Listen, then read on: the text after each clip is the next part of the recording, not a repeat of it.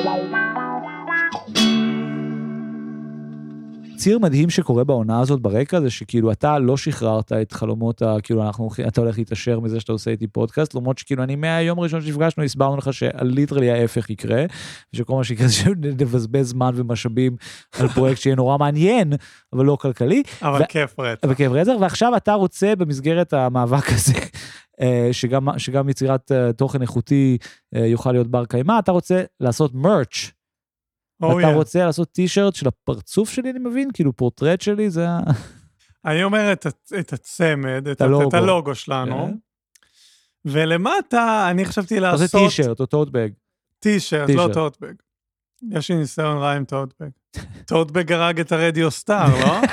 תשמע, אה, איפה היינו? הטישרטים. אה, הטישרטים, אז תקשיב. אז יש דיון. עכשיו, תשמע, אני רוצה לשים את הלוגו ואז למטה, או שנכתוב היסטוריה אינטלקטואלית גסה, כי זה מה שזה, אבל אני אומר, נביא משהו שיגרום לבן אדם שמסתכל על זה להתעניין. אז אני חשבתי לכתוב, אין לי מושג על מה הוא מדבר. ואז זה מין כזה קצת, אני אני הוא מתכוון השם. אני- אני אליי, כאילו, אתה משם... אני אוהב, לא אוהב את השם שלנו. כאילו, אני חושב שהיסטוריה אינטלקטואלית גסה זה פשוט שם טוב כי זה מדויק, כאילו בכל המובנים של המילה. ובראש שלי כאילו זה קול על טישרט, היסטוריה, נקודה, אינטלקטואלית, נקודה גסה. מצד שני, אני באמת unqualified לייצר טישרטים, אתה מבין מה אני אומר? זאת אומרת, אני לא, אני לא יודע מה יעבוד, אתה מבין?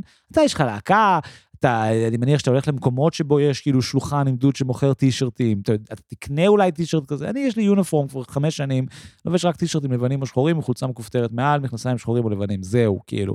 אז אה, אתה יודע, it's all, it's all science fiction for me. אז אני חושב שלגבי השם שלנו, אה, אחד הדברים הטובים שזה ליטרלי מה שזה. כאילו, נכון. מין אם אתה, זה, זה יתרון מאוד גדול, זאת אומרת, פשוט חיפוש נורא קשה לתת. כאילו, כמה קל דווקא- לכתוב לא נכון אינטלקטואלית. למרות שאם אתה כותב היסטוריה, אתה תגיע לזה. אם אתה מחפש פודקאסטים להיסטוריה, אחי, אתה אתה כותב תגיע היסטוריה, לזה. אתה מקבל 200 היסטוריה בקצרה, היסטוריה של היסטוריה לילדים. היסטוריה, כן. זה, אנחנו דווקא, אתה כבר צריך, כאילו, אתה צריך לתת לפחות scroll אחד. נגיד, יש לך אייפון 15, כן? scroll אחד לראות כן. אותו ב Spotify, למרות שיכול להיות שמתעדפים אותנו, יכול להיות שה Spotify לא. שומע שאני מסית נגד ה tech, וכאילו, מנסה כאילו לעשות לי הפוך על הפוך. אני מרגיש שבסטורים שלי, כאילו, כשאני כותב היסטוריה אינטלקטואלית גסה, זה ארוך מדי. זה נורא כאילו. ארוך, זה נורא. מצד שני, הראשי תיבות של זה זה היג, H-I-G, ובעברית זה כאילו האג. לא, זה לא, זה לא זה. אז אה, טוב, בקרוב יהיה מרץ'. בקרוב יהיה מרץ'.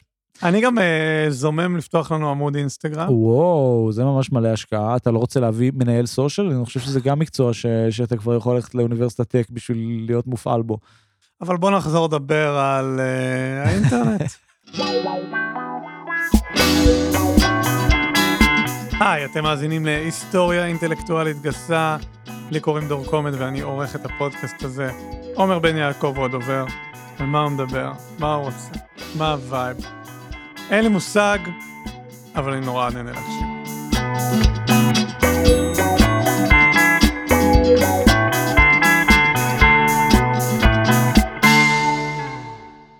תקשיב, אני, אני עוד לא סיימתי בכלל את, ה, את הפתיח שהכנתי על הפרה, פרה, פרה לעונה הזאת, וכבר יש לי סייג ותיקון. שניסיתי להגדיר מקודם tech, ואמרתי שכאילו הגדרה של tech היא כאילו אם המים מוגשים עם היביסקוס בחינם, וכל הכאילו המטבח, זאת אומרת, חברת tech מוגדרת לפי המטבח שלה, אה, לפי המודל של ה-HR, כן? ושכחתי עוד משהו שרציתי להתייחס אליו, שהוא כן משמעותי, וזה המודל הכלכלי. כי דבר נורא משמעותי בטק הוא הנושא שנקרא growth. אתה מודע למילה הזאת? אוי, זו מילה פשוט בלתי כן. נסבלת. הם רודפים אחרי ה-growth. באמת, באמת, הם רודפים אחרי ה-growth, ה-growth הוא פשוט עצם הגדילה של כמות המשתמשים, או עצם הפעילות של הדבר. אנחנו קצת חווינו את ה-growth בעונה הזאת. יפה, אנחנו באמת חווינו, דוגמה, האמת שזו דוגמה נורא יפה, אכן חווינו growth, אבל לא, לא באמת, לא חווינו uh, הגדלה של הכנסות, נכון? אני רוצה לשבור לך את הלב uh, ולהגיד לך שבגדול, עד הטק, דבר נורא נורא משמעותי, הרעיון הזה שהביזנס שלך גדל, אבל לא מכניס כסף, uh, היה לזה מילה, זה היה נקרא ביזנס כושל, סבבה? אם אני אומר לך, אחי, הפלאפל שלי עבר growth, אני מייצר הרבה יותר פלאפלים, אבל אני לא מרוויח יותר כסף. אז היית אומר לי, נשמע לי שאתה בצ- בצרות צרורות, אחי. כאילו, אולי תפסיק להשקיע בעוד מוכרי פלאפלים, ותתחיל לחשוב על איך אתה, לא יודע, עושה איזה תהליך ש... עכשיו, אני רואה כבר שאתה לא איתי. לא, פשוט מת לנהל איתך דיון על פלאפלים בתל אביב. אפשר, אני דרך אגב, אני, אני הולך להקפיד באופן שיטתי, כל העונה הזאת להתייחס להייטק, להגיד את זה לפלאפל, כי אני חושב שהדבר המודחק בטקסט זה שמדובר בעסקים גם. זאת אומרת, בעולם העסקי חלים עליו חוקים, ו- ואני חושב שהדוגמה של הבחור שפותח פלאפליה או פלאפליה היא דרך נורא טובה uh, להבין את זה. אני רציתי להסביר את המודל הכלכלי של, של טק דרך בן אדם שבא uh, לפתוח פלאפליה, אבל לא עושה את זה.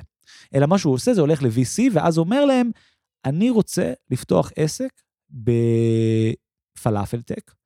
פלאפל-tech הוא vertical חדש שקיים בעולם, ואני רוצה שנתייחס לשוק הפלאפל העולמי כשוק ששווה בגדול ב- מיליארד דולר. זאת אומרת, אם תסכום את כמה כל פלאפליות בעולם מרוויחות, ביחד תגיע למיליארד דולר, ואז אתה הולך לבוא למישהו ולהגיד לו, אני רוצה להיכנס לתחום הזה, ואני הולך לעשות disruption, אחי. בתחום הפלאפל, ולכן זה פלאפל טק, ועכשיו אני צריך ממך 200 מיליון דולר בשביל להניח את הקרקע ל- to fuck up a 1 billion dollar industry. עכשיו, אתה מן הסתם, גם את ה-VC אתה לא תיתן לי את הכסף הזה, נכון? זאת אומרת, זה רעיון נורא מטומטם. מה שהסברתי לך, כי אתה מבין שגם הפלאפליה שלי יהיה הדבר הכי cutting edge בעולם, אני לא אצליח באמת להשתלט על כל תחום הפלאפל באשר הוא. אבל בהייטק, בגדול, באמת בגדול, ככה עברו בסטארט-אפים, ככה זה עובד. זאת אומרת, אתה, אתה, אתה מבטיח משהו שהוא המקבילה של אני אשתלט על כל שוק הפלאפל בעולם, והמחיר שאתה נוקב בו, כי השיא של הכסף שאתה יכול זה, הוא סך עסקאות הפלאפל בעולם. אוקיי. אתה תדבר על פלאפל. לא, לא, אני, בוא, בוא נשמור, בוא. נשמור את זה לסוף, לסוף הפרק. סוף הפרק, פינת המלצות פלאפל בתל אה, אביב. בשמחה, בשמחה. מעבר מוזיקלי.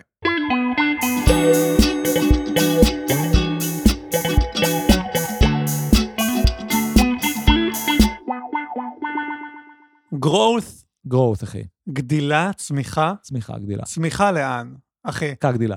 מה, מה, מה, מה, מהו ה-growth? כאילו, אם אני רגע נרדד את זה למי כן. שלא יודע, למרות שאני מבין שכולם בטח יודעים, אבל נניח שלא יודעים, אז זה בעצם העניין הזה של כאילו, אה, אה, Waze לא מכניסים כסף, נכון? הם רק כן. מביאים עוד משתמשים, מביאים, גדלים, גדלים, גדלים, ואז בן לילה, שבם. אני אתן לך דוגמה נורא יפה. העו"ש שלי הוא דוגמה נורא יפה לגרowth. במובן הכי רע של המילה, כי הכוונה בעו"ש שלי היא המינוס שלי.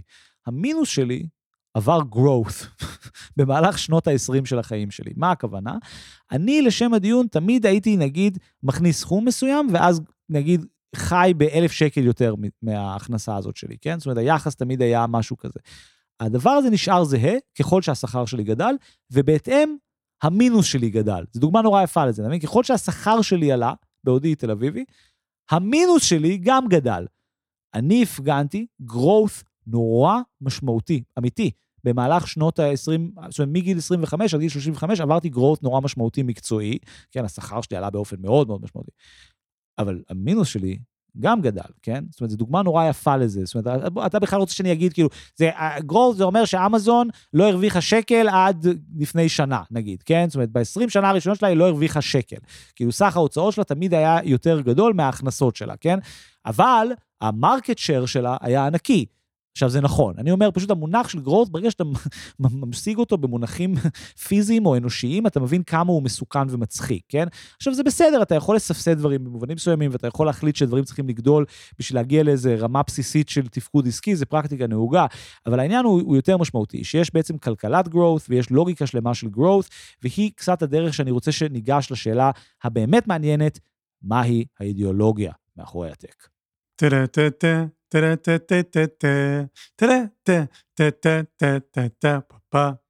כאילו, אה, אה, נורא, אולי בעוד סייג, אני- לא, אני לא לודית. אתה מכיר את המונח הזה? הלודיטים, לודיטים, כן.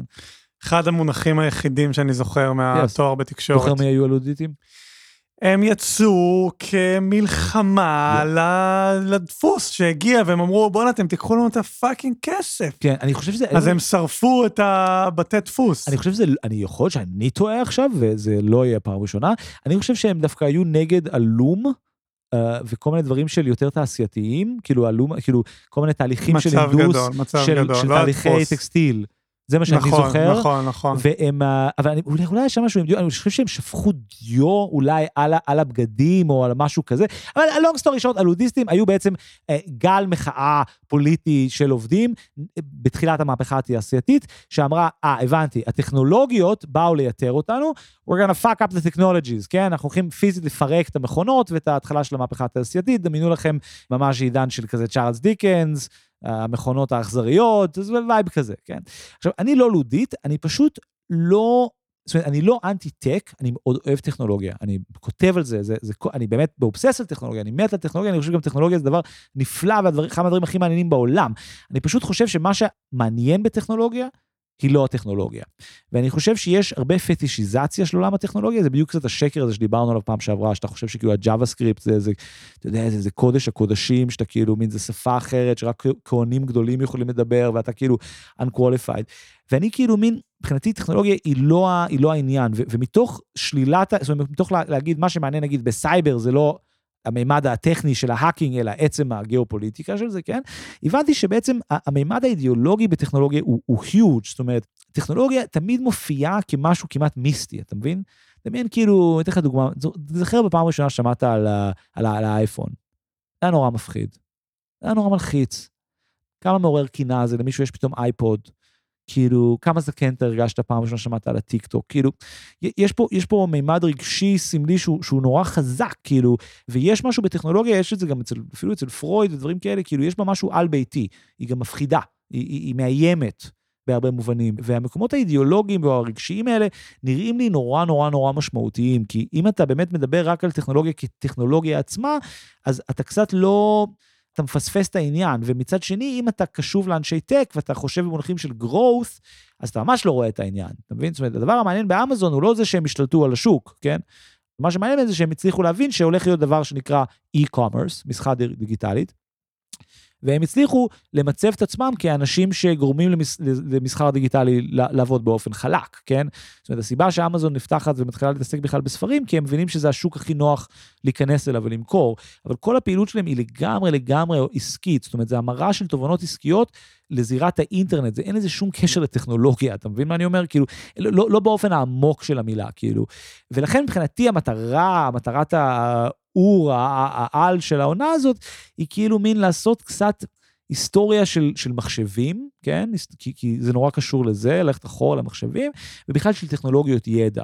כי הרבה מהדברים הבאמת מעניינים שקרו, קשורים בעיקר לאופן שאנחנו מנהלים ידע, ואיך יש לך access לידע ואיזה ידע, ופחות להיות בבולשיט של הגרואות וכל הדברים האלה, כי, כי זה דברים נורא לא מעניינים. זאת אומרת, השתי פרספקטיבות שיש על טכנולוגיה, היום בגדול הם, הבן אדם הזה נהיה עשיר, זאת אומרת, פרספקטיבה כלכלית, או הבן אדם הזה הוא גאון טכני ואני לא יכול להבין מה הוא עושה.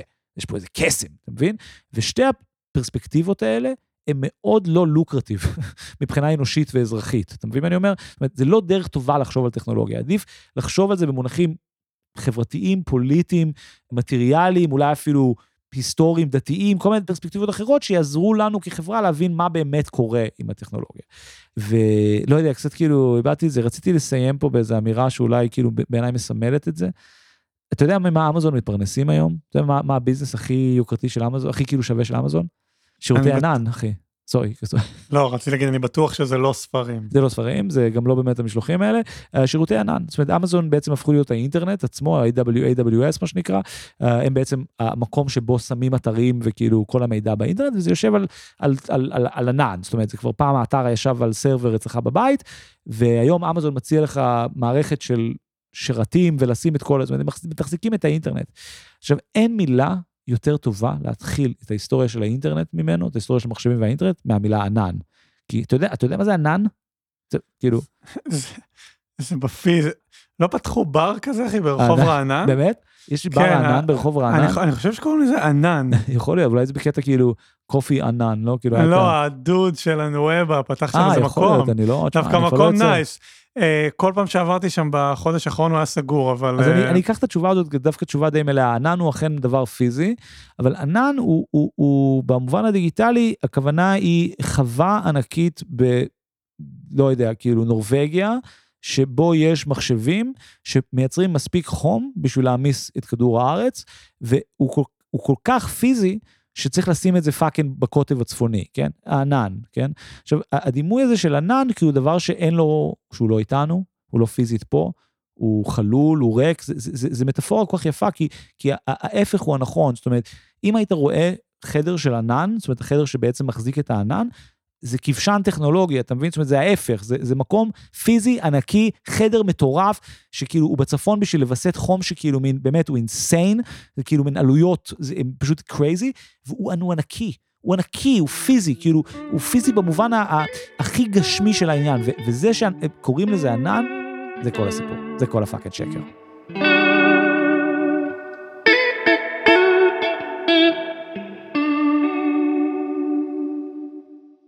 מפרק הבא אני מבטיח שאני הולך כן להרביץ פה סדר היסטורי, זאת אומרת הולך להיות פה רצף, אנחנו הולכים להתחיל בערב מלחמת העולם השנייה, אבל כן רציתי באופן כללי שנייה למסגר אותנו uh, ברמה אידיאולוגית, ולעשות את זה דרך המלצה על uh, סדרה או סרט. סרט סדרה. יאללה, אהבתי. ואל תדאג, לא שכחתי את הפלאפל. אהבתי, אבל, אבל רגע לפני שאתה ממליץ, כן. בגלל שאני לא רוצה שהקשר של אמזון יאבד, כן, בטח. רק לתת shout-out קטן לפרק מדהים מדהים של אטלנטה, הסדרה של דונלד גלובר, a.k.a. צ'לדיש גמבינו, שבו הדוד, פייפר בוי, יוצא מהעיר לפרברים, ואז כאילו הוא מגיע לחנות, אה, הוא רוצה להכין לעצמו סטייק, אז הוא בא לבחור ואומר, טוב, אני רוצה מחבת, מחבת חזקה, כאילו, yeah. כן. מחבת ברזל. אז הוא אומר לו, זה עולה ככה, ואז הוא אומר לו, טוב, נראה לי שאני לא אקנה. אז, אז החנווני, הדוד העתיק עושה לו כזה, אתה תזמין מאמזון, אה? בסוף של הפרק מגיע חזיר בר לתקוף אותו. ובמקרה החבילה של אמזון, עם המחבת נמצאת שם בכניסה לבית ולוקח את המחבת ופשוט ככה מציל את עצמו והורג את, ה, את החזיר. אה, סדרה מטורפת. באמת סדרה מטורפת.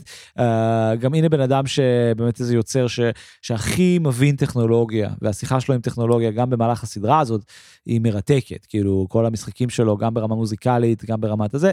אה, כן, אטלנטה סדרה פצצה, ממליץ מאוד. אה, הסרט שאני רציתי להמליץ עליו הוא אחד מהאדם קרטיס, איין קרטיס זה אדם קרטיס, איין קרטיס, מי זה ג'וי דיוויז'ן, מי זה הבמאי, אני תמיד שוכח. איין קרטיס זה סולן של ג'וי דיוויז'ן, ואדם קרטיס הוא הבמאי של ה-BBC, ארבע שעושה דוקואים היסטוריים פוליטיים מטורפים. מי שמכיר אדם קרטיס יכיר את הסרט, מי שלא, לא יאמין שזה המלצה. אדם קרטיס, הסרטים הראשונים שלו הם ממש היסטוריים כבדים, הם סדרות של ארבע שעות. הכי מפורסם זה משהו מדהים שנקרא Century of the Self, הזכרתי את זה כבר בעבר, אה, המאה של העצמי, שהוא עוסק בקשר בין פרסום ופרויד, זאת אומרת, בעצם מראה איך בן דוד של פרויד מניח את, תעשיית הפרס... את הבסיס לתעשיית הפרסום באמריקה, כי הוא מביא את הפסיכולוגיה לאמריקה. Uh, ופרסומות מדברות אל הנפש שלנו. ואני רוצה להמליץ על סדרה אחרת שלו, שנקראת All Watched Over by Machines of Love in Grace, שזה שורה משיר של המשורר שהיה חלק מהתנועה הקיברנטית, שהיא תנועה ששטפה את העולם האינטלקטואלי בשנות החמישים, ושהיא בהרבה מובנים בסיס להרבה מהפילוסופיה והאידיאולוגיה של האינטרנט, זה אנשים שהיו באובססיה על מערכות ו... והיו פטיש... פטישיסטים מטורפים של טכנולוגיה, המפורסם ביניהם נורברט ווינר, והסדרה הזאת בעצם מצליחה לעשות היסטוריה אינטלקטואלית די מדהימה, אה, אידיאולוגית של האינטרנט, אה, ולקשור את זה בעיקר לעלייה של הימין באמריקה, הימין הכלכלי והליברטריאניות. וזו נקודה נורא נורא חשובה, כי האידיאולוגיה של הטק, ברמה הכי בסיסית של כאילו, מה האידיאולוגיה, אחי, כאילו, זה שמאל, ימין? אשאל אותך שאלה, טק זה שמאל או ימין? מרגיש כאילו vibe של ימין כלכלי, נכון? אמת. אבל מצד שני מתעסקים בכאילו דברים של שמאל, של כאילו, אנחנו בונים קהילה. אמת. וש... לגמרי, כזה. ואני חושב שבמובן הזה התשובה היא באמת ש, ש, שמה שכל כך מעניין בעולם הטק זה שהוא לא נופל לקטגוריה של שמאל או ימין, זאת אומרת, לא, בגלל זה הוא גם לא נשאב לתוך מאבקים פוליטיים, אלא הוא באמת שמאל חברתי, הייתי טוען, לדוגמה, אי אפשר לנתק בין מהפכת הלהט"בים uh, לבין ההצלחה של הטק. זאת אומרת, הטק מציב את המודל לסביבת עבודה אינקלוסיבית. הרעיון הזה שאנשים מוגנים ואף מועצמים ו- ו- ומקום עבודה אמור לתת לך צרכים, לענות על הצרכים הזהותנים שלך במובן ה-LGBTQ, לא במובן ה...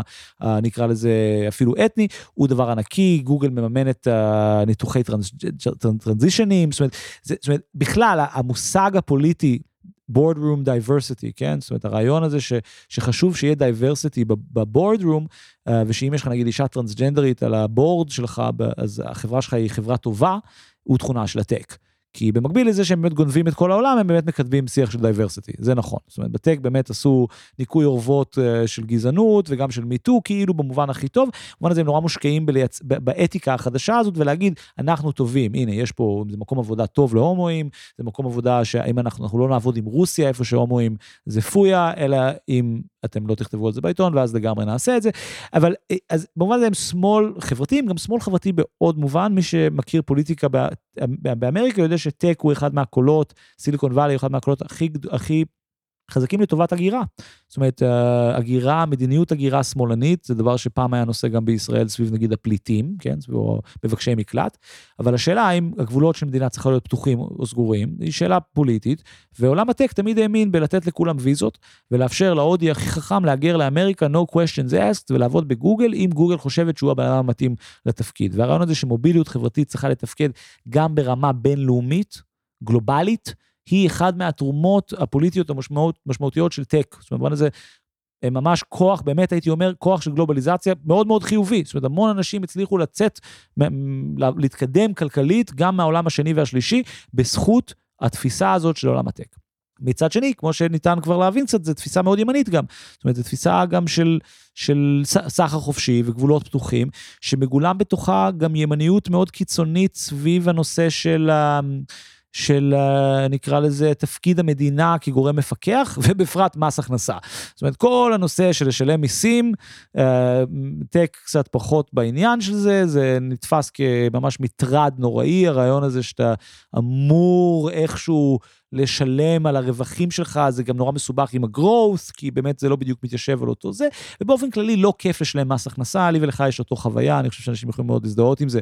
והמקום של האידיאולוגיה הזאת של שמאל כלכלי, שמאל, אה, שמאל חברתי, תרבותי, ימין כלכלי, הוא מה שאפשר לתת לו כותרת של The California Ideology. זאת אומרת, זו אידיאולוגיה עם היסטוריה וטיים, וסטמפה עליה שנוצרה בזמן ומקום מסוים, והיא נורא משמעותית, כי אנחנו בדיוק חיים בעולם כזה היום. זאת אומרת, אנחנו חיים בעולם שבו המעסיק שלך יכול להיות אפליקציה שיושבת במדינה אחת, אבל מי שמדבר איתך דרך האפליקציה יושב במדינה אחרת. זאת אומרת, אם אתה וולטר, אתה באמת מועסק על ידי גורם בינלאומי באופ... באיזה מודל חדש מאוד מאוד מוזר. אתה מבין מה אני אומר? זאת אומרת, הלאומיות הזאת היא חתיכת תכונה מטורפת של טכנולוגיה, ו- וממש חייבים לתת עליה את הדעת, כי, כי המון שנים הקפיטליזם, מה שהצליח קצת לרסן אותו, היה באמת המודל הזה של המדינה והרעיון של מיסים ו- ואפילו פיקוח, ו- ואחד מהסיבות שאנחנו חיים בכלכלה שירדה מהפסים, בדיוק זה אחד מהנושאים שפתחת איתם, כן? אחד, מה, אחד, מה, אחד מהסיבות ש, שאנחנו חיים בעולם שבאמת יש תחושה שאי אפשר כל כך להתפרנס יותר באופן הגיוני, באמת קשור גם בתהליכים האלה של כל מיני שבירה של כאילו המודל הכלכלי הקפיטליסטי הבסיסי, הפורדיסטי מה שנקרא, שקשור למדינה. והמעבר הזה. לכלכלת tech, post industrial capitalist society, בלה בלה בלה, יצר המון בעיות שאני חושב ש, שלא ניתן להבין אותן בלי לראות את הצד הזה של ה tech, זאת אומרת, בלי לראות את הצד הבינלאומי הזה של הטק. ו... ואני חושב שזה קשור גם לחוויה שלנו הזאת של מה שדיברנו על תל אביב, כאילו, אם אתה עובד בטק, אתה חלק מקהילה בינלאומית של טק, נכון? זאת אומרת, אתה, אתה בעולם שלם, כאילו, שהוא כאילו על-לאומי. ואני חושב שנגיד בשביעי לאוקטובר, נורא המתח בין הקהילת טק הבינלאומית הזאת למקומית מאוד הורגש, כן? אבל מצד שני גם ראינו את הצד המאוד יפה של זה, כן? כל החברות הייטק באמת נורא התגייסו, אני אומר את זה גם באופן מאוד יפה, אבל גם היה בזה משהו נורא, נקרא לזה, גם שובר לב, כי אתה מבין שהמון אנשי טק בעצם הבינו שהם לא חלק מהעולם. כמו שהרבה אנשי תרבות הבינו שהם לא חלק מהעולם, כן? כאילו מין חוו איזה שבר מול, ה, מול הקהילה הבינלאומית שלהם.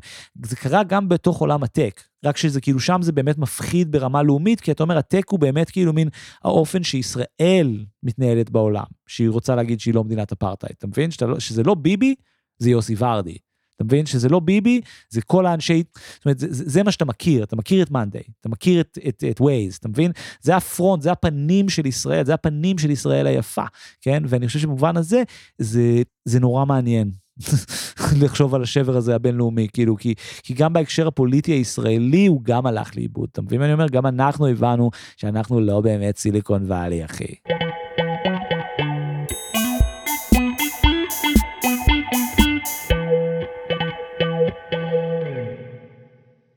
שמע, אח יקר, ה chunk הקודם היה כאילו, הלך להרבה עולמות, אחי. הלך ל tech, הלך ל... הלך ל... פתאום אתה מדבר איתי על אזרחות, אחי. אוקטובר 7, אה, בלאגנים, עניינים. הדבר היחיד שלי צלצל וכאילו פתח לי את העיניים, כי פתאום קצת התעייפתי, אה, מה שדיברת על קליפורניה. ב California ideology, ספר קצת על זה. בטח, אנחנו נגיע לשם, אבל בעצם ב California ideology, גם כל מי שהיה בקליפורניה מכיר את זה, זאת אומרת, זה מקום שהוא simultaneously באמת מאוד מאוד שמאלני ונעים, וסיימולטניסלי מאוד מאוד ימני במובן הקפיטליסטי. ויש משהו נורא מעניין ב, ב, באיך התפיסה והתרבות הקליפורניאית הזאת באמת הת, השתלטה על העולם במובן מסוים. עכשיו, הקליפורניה אידיאולוגי מתייחס לממש אה, רגע מסוים ותפיסה מסוימת, זה קשור למישהו, זה קשור להרבה אנשים, אבל זה קשור למישהו שאנחנו נדבר עליו פה, שנקרא סטוארט ברנט, אה, שהוא... אה, בעצם דמות נורא נורא נורא נורא צבעונית, זאת אומרת, ואפשר לחשוב על ה California ideology גם אם, כאיזשהו תהליך שהוא סוציולוגי. ובוא נקרא לתהליך סוציולוגי הזה כמה קרה להיפים. חשבת על זה פעם? מה קרה לכל ההיפים, אחי? זה, הם הפכו להיות יאפים. Yeah man. אבל... שנייה, שנייה, בוא, בוא נתעכב בדיוק על זה שנייה. כאילו, עזוב שנייה, יאפים, כי אתה מתכוון לא, לא ל Yippies לתנועה הפוליטית שנקראת לא, Yippies. ב vibe של כאילו כל מי שעשה acid וניגן על בס באיזה להקה, next thing you know, רצה לעשות כסף, וכבר לא עניין אותו shit של צעירים. אוקיי, אז בוא, בוא, בוא נחבר את זה גם לאנשים ספציפיים שנייה. יש כל מיני אנשים, אבל זאת אומרת, שממש הם, לשם הדיון, השותף בתנועת ה Yippies, כן, השותף של ה... של ה... יואו, איך ברח לי השם שלו, fuck, שנייה. אני אגיד לך איך קראו לו. איך קראו לו, אחי? אבי to the motherfucking הופמן. נכון, נכון, נכון. שהזדהה כגראוצ'ו מרקסיסט. זו בדיחה די מפגרת, אבל כן מצחיקה. אה, תסביר, תסביר. סתם שהוא כאילו מרקסיסט אבל מגוחך, כאילו בדיחה, גראוצ'ו מרקס, אז הוא, הוא אומר, שאלו אותו מה התנועה הפוליטית שהוא שייך אליה, אז הוא אמר, I'm a Groucho Marxist, כאילו אני מרקסיסט כבדיחה, או לא משנה, סתם מפגר. אה, ברח לי השם שלו, fuck, סטיב, אה, ברח לי השם שלו, בושמי. לא סטיב בושמי, משחק אותו, סטיב בושמי. לא, משחק אותו, נו, וואו, אני לא מה, זה יכול זוכר להיות אף שם. נחמד דווקא. מה, שאני לא זוכר, סטיב בושמי? אה, למה סטיב בושמי כזה מלך? כי הוא שחקן מדהים, והוא, וזה בדיוק השורה המדהימה בפארגו. אה, he's funny looking in a funny looking kind of way. זוכר שכל הזמן בס- בסרט פארגו, כן. אומרים לו, you know, you said that guy is funny, like funny looking, you know, in a funny looking kind of way. יש פה משהו נורא אמיתי ו- ונורא זה, אנחנו פשוט ירדנו מהפסים. ה California ideology, אני ממש אעשה את זה בקצרה, זה פשוט literally, זה ההיפים, גם צריך להבין, זה קשור לאיזה קבוצה ספציפית של אנשים, ממש ש- שפשוט הפכו להיות הגרעין של סיליקון וואלי, כן? זאת אומרת, עכשיו, כשאתה עושה את ההמרה הזאת, תחשוב שנייה על הבן אדם שעשה אסיד כל ה-60's, וזה הפילוסופיה שלו. מה קורה לו when he sells out, כן? עכשיו, עזוב שנייה אפילו selling out, what, מה קורה לו כשהוא מנסה באמת להרוויח כסף וזה. מה שקרה זה שהם ניסו להקים פרויקטים שהיו נורא אידיאולוגיים. זאת אומרת, המון מה, מהטק הראשוני התנסח בשפה של מהפכה מהפכנית, כן? זאת אומרת, אפילו הרעיון של PC, זאת אומרת, זה, זה מהפכה. שמים לך מחשב בבית, כן? עכשיו, המעבר הזה מתפיסה של היפיות לתפיסה של מה שאני הייתי מכנה טכנו-אידיאליזם, כן, זו תפיסה של הטכנולוגיה יכולה להציל אותנו ומהפכנית, כן, היא דווקא די אינטואטיבית, זאת אומרת, דווקא כאילו מין, they didn't just sell out, הם פשוט שינו אמצעים, הם התבגרו, ואמרו, אנחנו נעשה את המהפכה התרבותית שרצינו לעשות באמצעים אחרים, וננסה להפוך את זה למשהו שהוא בר קיימא, ובאמת, השפה הראשונית של המון מהדברים שיהפכו להיות באמת הבסיס להייטק, היו דברים שכן ניסו להיות מהפכניים, כן? ניקח דוגמה שנגיע אליה בפרק 8-9, לא יודע, whatever, הדמות של טד נלסון. זאת אומרת, טד נלסון, הספר שלו זה מי שממציא את המונח הייפרטקסט, הוא מי שמציע בעצם מערכת אינטרנט מתחרה ל-www, והספר הראשון שלו נקרא Computer Lib, Computer Liberation, כאילו מדבר על תנועה לשחרור המחשבים. כתנועה פוליטית, כן? כי הוא אומר, אנחנו צריכים לשחרר את המחשבים מה, מהכבלים של המחשבה האנושית המפגרת ולהתחיל להפוך אותם לבאמת ל slaves שלנו שיעזרו לנו כמו שצריך, כאילו. אבל אני אומר, בשלב הראשוני, אנשים כמו סטוארט ברנד באמת חושבים על לעשות מהפכות בעזרת הטכנולוגיה, והם גם מנסחים את עצמם ממש במניפסטים, כן? והדמות הזאת של סטוארט ברנד, שהוא דמות מאוד מאוד מאוד מעניינת, הוא בעצם היפי, אה, הוא לא רק היפי, הוא בעצם אחד מההיפים הכי מפורסמים בכל אמריקה. אה, מי שקרא את הספר של תום וולף, אה, acid colored בלה בלה בלה Kool-Aid יש לתום וולף ספר מפורסם ברחתי את השם לא מכיר. ספר מכל ה name dropping שזרקת, אני לא מכיר בן אדם אחד. תום וולף. הוא סופר אמריקאי מאוד אה, מאוד מפורסם עיתונאי וסופר שכתב אה, כזה new journalism style זה כמו כזה פחד ותיעוב בלאס וגאס כן. אה, או מן הגשר כזה של התקופה הזאת והוא גם כתב ספר על ה-acid colored kool-aid משהו in the sunshine בוג'ו בוג'ו band ספר כזה מאוד זה קצת נשמע כמו היסטוריה אינטלקטואלית כן, באורך שלה. אבל זה ספר רגע, שכאילו- אתה פותח סוגריים על סוגריים על סוגריים. לא אני בוא- אני אשלים את זה יש לי בוא את זה נסגור את הנקודה. יש לי את הנקודה. יש לספר שם, אחי. The Electric Kool-Aid Acid Test. לא, אבל הנקודה צריכה להיסגר, עזוב את השם. סטוארט ברנד הוא אחד מהאיפים הכי מפורסמים באמריקה, והוא הולך להקים, הוא אחרי שהוא ממש מוזכר, זאת אומרת, יש ספר שעוסק בדמות שלו, הוא מופיע כממש הסמל לתרבות ההיפית, והוא נהיה הבסיס אחר כך ממש לתרבות הטכנולוגיה של, של קליפורניה, והוא מסמל את המעבר הזה. אז שואלת אותי, מהי הקליפורניה האידיאולוגי? היא היפים שנהיו אה, אה, מהפכנים דרך טכנולוגיה, ועל הדרך גם באמת נהיו מיליונרים או ניסו להיות מיליונרים על הדרך והאמינו שהמהפכה גם צריכה להיות כלכלית. זו התשובה שלי אליך. ואני חושב שהשאלה מהי המורשת של התרבות ההיפית היא שאלה נורא משמעותית בהקשר הזה, כי ההיפים כאילו היו כאילו שלילה של, ההיפ, של, ה, של הטכנולוגיה, כאילו, אבל בעצם, זה, זה בעצם אפשר לראות שם המון דברים שהם כאילו הכי קשורים למה שאנחנו מדברים עליהם עכשיו, דוגמה כאילו מן ה... טוב, אתה כבר איבדתי אותך לגמרי. יאללה, בוא נסיים את הפרק, אחי. רגע, האיפים, אחי, זה פאקינג מהפכה תרבותית, הם היו אנטי-מרקסיסטים מההתחלה, אחי, זה, זה, ההיפיות זה ה shit הכי גרוע, זה ה-worst politics fucking שהיה ever בשמאל, זה הדבר הכי גרוע לקרוא לשמאל ever. וואו. וואו, חייבים- חייבים לפתור, וואי, זה פרק שלם הדבר הזה. למה ממש אני fucking. שונא היפים? אבל בסדר, זה בוא fucking נגיע, anti-politics, אחי. בוא נגיע לזה, כמו שאתה אמרת, מדרפה עד וויקס, אז אנחנו נעשה מההיפים בזה, עד... אה, עד ההיפסטרים. עד מעגלי שירה בחוף כרמל, כאילו, אוקיי? לגמרי, לגמרי. זה עונה שבע. anyway. מילה קצרה על פלאפלים ונחזור את הפרק. איפה אתה אוכל? אוקיי, לי יש פלאפל מדהים מתחת לבית, אז אה, בשדרות ירושלים, אני חושב 90, יש בודקה קטן ליד הסניף ליכוד של, אה, של ליכוד ביפו, פלאפל מדהים, איציק נראה לי הוא נקרא, אני לא יודע מה הוא נקרא, hole in the wall כזה, אחד מהפלאפלים הטובים שאכלתי בחיים שלי, פלאפל מדהים. מה, יותר והשני- קרוב- יותר קרוב אליך, כאילו? יותר מאוד קרוב קרוב. לבית, כאילו? כן, כן, כן, כמעט על הפינה של ארליך. לדרום, כאילו. כן, כן. דרום, אוקיי. כן, כן. אווירה של מורדור של יפו. זה לא המורדור שלה, זה מרכז יפו. אם אתה לוקח את הרכבת הקלה, אתה יורד במחטה ארליך, אחי, אוקיי? מחטה ארליך. פלאפל איציק, אוקיי, עוד? והשני זה כמובן ג'וני בנין בצ'רניחובסקי, זה בעיניי מה, הוא. שליד הסביך שכבר לא שם? אתה לא יכול להגיד לבן תל אביבי זה ליד הסביך. אתה מתכוון שהסביך שפתח ליד ג'וני? כן. מה אתה כן, אומר? מה, ברור, אחי, הפלאפל שם נראה לי מלפני קום המדינה, אחי.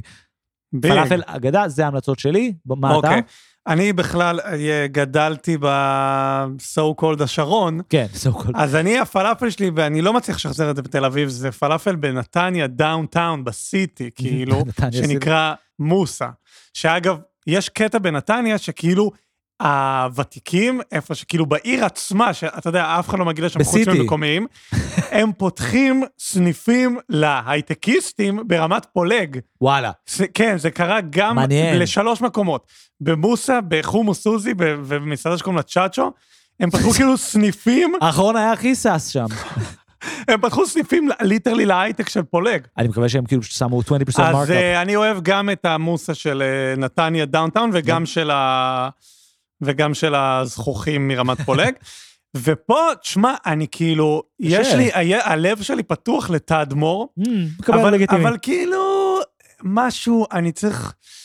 אני לא פלאפל מצאתי פלאפל קשה. לתל אביב שכאילו, שהלב שלי באמת נפתח אליו. וסתם כי, פתחנו את זה לפני כמה פרקים off the record בינינו, מה אתה אומר על שווארמות בתל אביב? אני הפסקתי לאכול שווארמה כי אין שווארמות טובות בעיר, אני גם הגוף שלי לא יכול להכיל את זה תשמע, יותר. אני אסגור את הסיפור ואני. אגיד, שווארמות יש רק בחיפה. סבבה, בסדר. עד כאן היסטוריה אינטלקטואלית גסה. תודה רבה לעומר בן יעקב ללהקת בסיסיות על המוזיקה המקורית. לי קוראים דור קומט. אה, פאקינג היפים, קליפורניה, קליפורניה.